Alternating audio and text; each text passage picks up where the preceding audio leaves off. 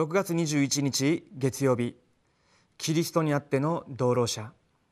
今日の聖書の箇所はローマ書16章9節です。キリストにあって私たちの道路者であるウルパノと私の愛するスタキストによろしく。私が今キリストの中にいるということがどれほど大きな祝福でしょうか。キリストを信じて精霊が私のうちに内住されたその時から私の運命家計にあった霊的な問題そこから完全に解放されて今私が神様の子供に変えられました。聖書を見てみてもノアの時代にネフィリムが堕落して全世界が堕落したそういった時代でした。その時に神様がノアに箱舟を作りなさいとおっしゃいましたけれどもその箱舟の中に入る者は誰一人として滅びることがありませんでした。メシアの契約の中に入った者は誰も滅びないということです。神様がカルディアのウルで偶像崇拝をしたアブラハムを召されました。私の示す地へ行きなさいとおっしゃられたその御言葉に従ってカナンの方に行くようになりましたけれどもその時アブラハムの運命が完全にひっくり返されるようになりました。メシアの契約の中に入っていったからです。出エジプトの事件を皆さんもよくご存知でしょう。エジプトの奴隷の生活をしたその時に羊の子羊の血を縫ってエジプトから脱出するようになりました。メシアの契約の中に入ったということです。それであれば私と皆さんも今キリストの十字架によって完全に救われた神様の子供です。キリストの中にいるということがどれほど大きな祝福でしょうか。今日本に現れている霊的な問題すべての災いから解放される道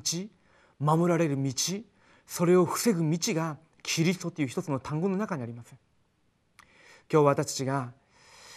キリストにあっての道路者という、えー、メッセージを受けてますけれどもこの御言葉を今日私のものとして握って現場で勝利していただきたいと思います。では今日の序文です。パウロが最も多く使った単語がキリストにあってという言葉でした。パウロはキリストにある祝福を最高のものだと思っていたからです。この祝福を悟ることができなければこれから続けて起こる多くの事故と災いと困難を避けることはできません。反対に私たちがこの祝福を正しく悟るならば学業と産業に確かな証拠が起こるようになります。パウロがキリストにあってという言葉をたびたび使った理由があります。一つ目です。運命を変える言葉。キリストにあって運命が変わります。この運命は人間が変えることはできません。本来の人間は神様と共に幸せに生きていました。しかし人間がサタンの誘惑を受けて罪を犯し神様を離れてしまいました。神様を離れた人間は神様に行くことができなくなりました。これが漱石三章の事件です。どれだけ努力して倫理を守りどんな宗教生活をしたとしても神様に会うことはできません。これが運命です。神様は人間にはできないことを知ってキリストを送られキリストが十字架で死なれることによって全ての問題を解決され私の運命を変えてくださいました。私と皆さんの過去どういう過去があったでしょうか？私の家計にどういう問題があったでしょうか？皆さんの地域にどういう災いがあるでしょうか？その全ての呪いと災い霊的な問題からキリストという単語を握ったその時にキリストの中に入ったその瞬間抜け出したんです。この確信を持って今日もスタートしていきたいと思います。2つ目です。身分を変える言葉。キリストにあって身分も変わりました。しかしほとんどのクリスチャンは身分が変わったことを知らずにいて答えを受けられずにいます。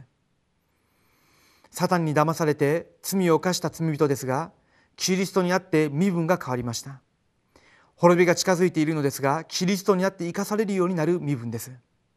危機にあった時でもキリストにあって解放された身分です。どんなに濡れ衣を着せられ苦しみにあったとしてもキリストを告白して勝利する身分です。キリストにあって世界福音化する最高の身分です。キリストという単語の中に入っただけで私たちの身分が変わったということです。私の身分が変わったということはどういうことでしょうか？今まで悪魔の子供で見怒りを受けるべき甲羅であったと聖書に書いているその状態から完全に変えられたということです。神様の子供になったということです。多くのクリスチャンたちが実際の生活に変えることそのことを全く忘れてしまっています。ただ神様の子供っていう単語が慰めになる程度で実際のところそれがどれほど大きな祝福なのか信じてないでいる場合があります。ですけれども私たちはこの部分に対して重要な信仰を持つべきです。神様の子供ということが事実なので身分が変えられたことが事実なので私の行くところどころに神の御国を望むになっています。精霊の内住精霊の導き精霊の働きに預かる神様の子供の身分です。では3つ目です。権威を変える言葉。キリストにあって権威が変わります。以前は自分の力でしたのですがこれからは神様の子供の権威でします。私たちはこの権威でキリストにあって道路者となりました。キリストにあって全ての人が神様の計画を成し遂げる一つの体になります。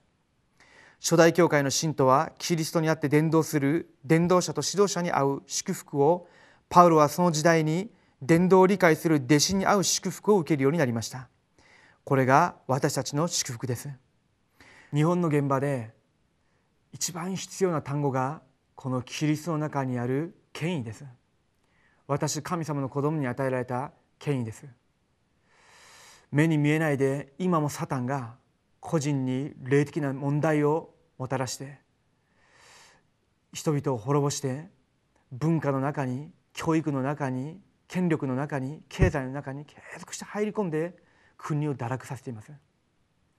そういう日本の暗闇の文化偶像の文化の中で何をもって伝道運動を起こすことができるでしょうか？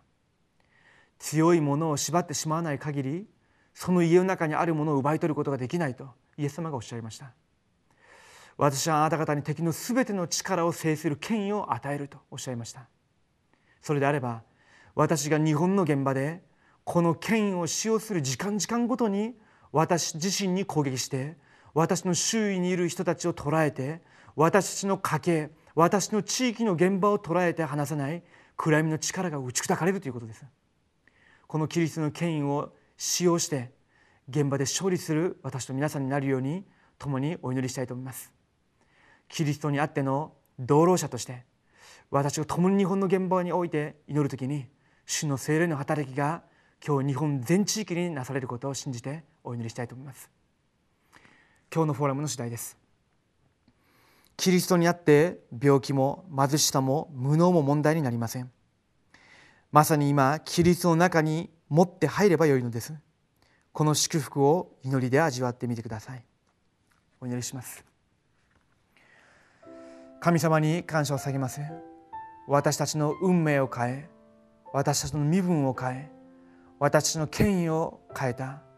このキリストの単語の中に今私がいることを感謝します。キリストにあって日本の福音化世界福音化をする全ての道路師たちがこの奥義を握って父の御前で祈るこの時間に日本の現場で働いている全ての暗闇の勢力が個人と家庭と地域と全ての文化経済権力を通して働いているサタンの組織が全部主イエス・キリストの皆の権威によって打ち砕かれる時間になるようにしてくださり今この時間に伝道と宣教の門が開かれるようにしてください。主の使者を送り出し日本全地域に神の御国が望む時間になるようにしてください。生きておられるイエス・キリストの皆によってお祈りします。アーメン。